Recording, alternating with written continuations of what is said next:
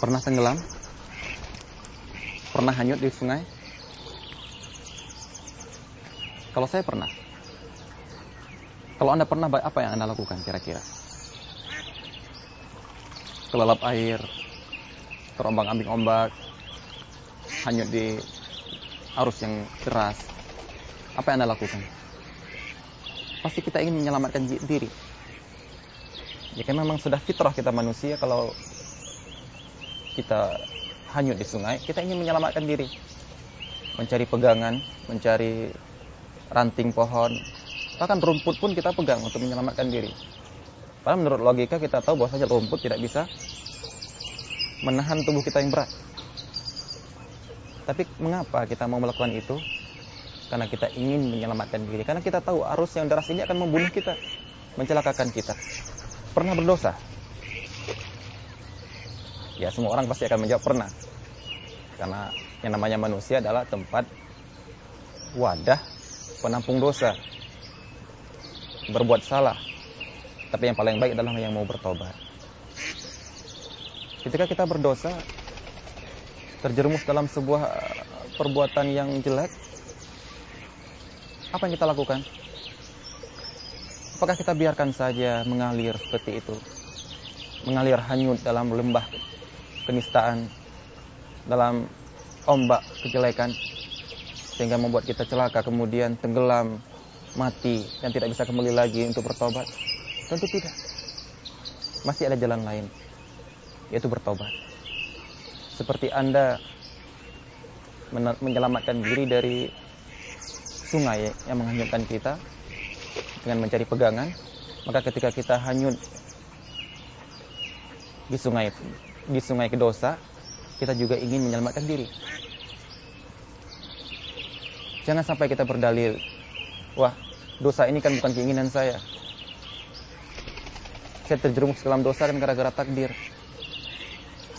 Seperti itu pula kita tidak berdalil ketika kita hanyut dari sungai, wah ini kan takdir Allah. Allah mentakdirkan saya hanyut di sungai. Untuk apa saya menyelamatkan diri?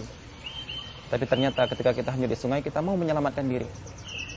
Maka ketika kita hanyut dalam sungai kenistaan, sungai dosa, sungai kesyirikan, sungai maksiat, sungai kezaliman, lembah yang gelap,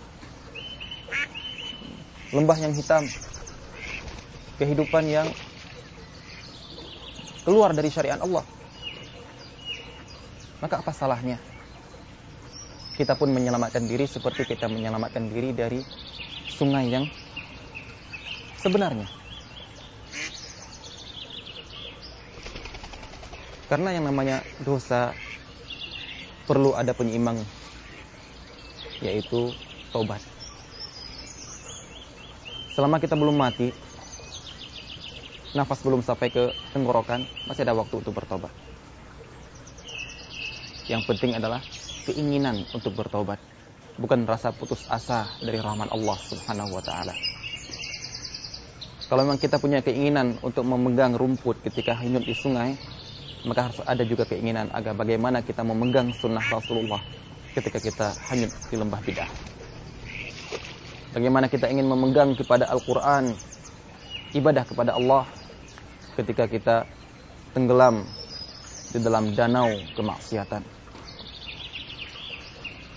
Marilah sama-sama saya dan Anda, kita semua yang pernah berbuat dosa, yang pertama jangan putus asa dari rahmat Allah Subhanahu wa taala.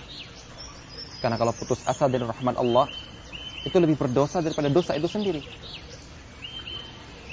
Anda berbuat dosa, berbuat maksiat,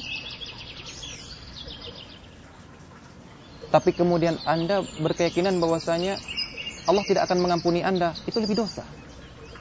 Karena Anda seakan-akan menganggap bahwasanya rahmat Allah itu sedikit. Rahmat Allah tidak mampu untuk menghapus dosa saya yang sangat luas. Dan anggapan seperti ini lebih dosa daripada dosa Anda sendiri. Belum terlambat untuk berubah dari perbuatan yang maksiat menjadi perbuatan yang penuh dengan taat. Belum telat untuk bertobat. karena kita masih menghirup udara segar, masih mendapatkan kesempatan dari Allah Subhanahu wa taala.